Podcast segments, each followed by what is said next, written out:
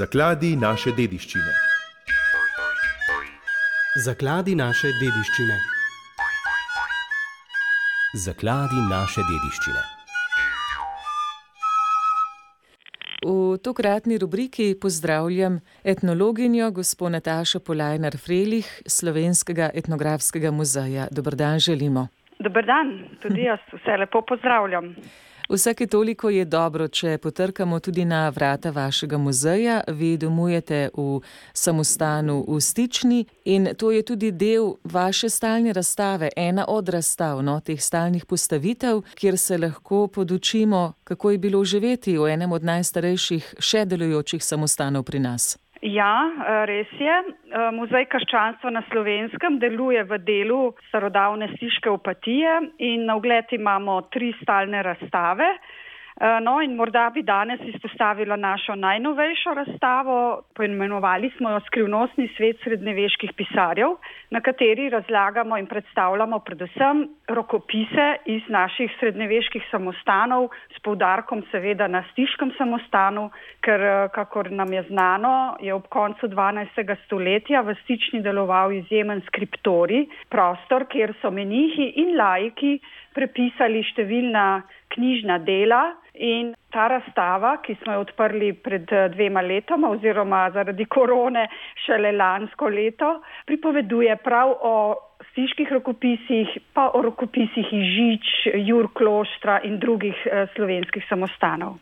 Gospa Nataša, kaj ti prepisi, ti dokumenti opisujejo, o čem nas poučujejo še danes? Predvsem je fascinantno to vedenje oziroma bi se ga morali verjetno bolj zavedati, da so ravno v srednjeveških rokopisih je ohranjeno znanje, ki se je preneslo iz pozne antike oziroma iz antičnega časa v zgodni srednji vek pa vse do današnjih dni.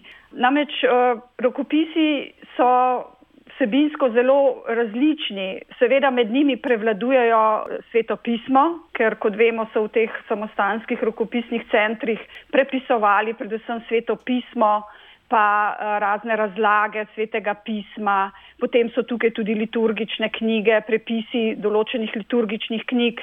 Hkrati pa je v vseh teh samostanskih knjižnicah bilo zbranega veliko znanja tudi z področja geografije, zgodovine, pravništva, prava, zdravilstva. Tako da verjetno je poslušalcem znan tudi ta izrek, da samostan brez knjižnice bi bil kakor grad brez orožarne.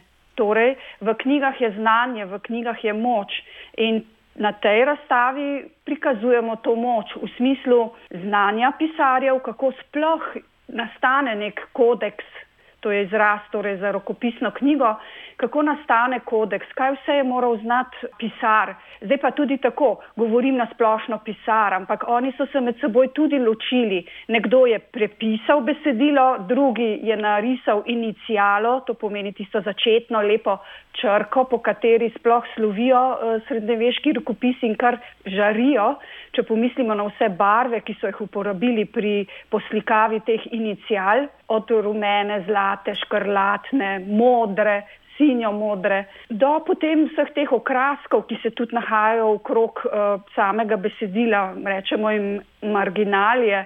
Skratka, naša razstava Skrivnostni svet srednjeveških pisarjev razkriva ravno to, kako so te knjige nastale, s kakšnimi materijali so se seznanjali. Vemo, da so srednjeveški rokopisi pisani na pergamentu. Potem eno poglavje je tudi, s čim so pisali. Znano je, da so pisali s peresi, ponovadi z gosjim, večkrat pa tudi s kakšnimi večjih ptičev, kakega krokarja in večjih teh ptic. Prav natančno so znali pripraviti ta peresa. Potem pisar si je sam moral znati pripraviti tudi barve. Vse te tenke in barve, ki sem jih prej naštevala, so naravnega, več ali manj naravnega izvora.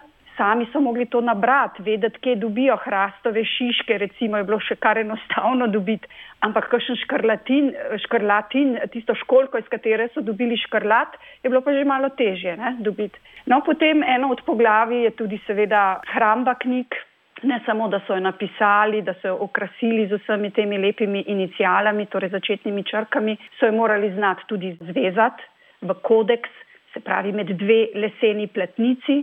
Na, na poseben način. Tudi v muzeju imamo predstavljen ta romanski, predvsem iz 12. stoletja, način vezave. Potem pa so knjige mogli tudi nekje hraniti. No, zanimivo je, da so jih hranili uh, v omarah, ki jim rečemo armari, ampak niso stale tako pokončno, kot stojijo danes, ko jih hranimo doma na knjižnih policah ali pa v knjižnicah, ampak so ležale kot zanimivost lahko rečem, so pa tudi nekatere knjige, predvsem v javni uporabi, bile priklenjene na pisalni oziroma bralni pult z debelo verigo, da je ni nekdo ukradel. No, ampak, če se vrnem pa na samo vsebino, absolutno so tukaj eh, to teološke knjige, pa potem tudi vseh teh ved, ki sem jih prej naštela.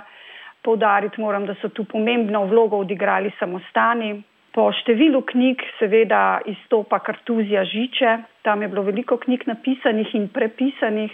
Potem absolutno je tu z nami obok eh, Žiča Mjestična.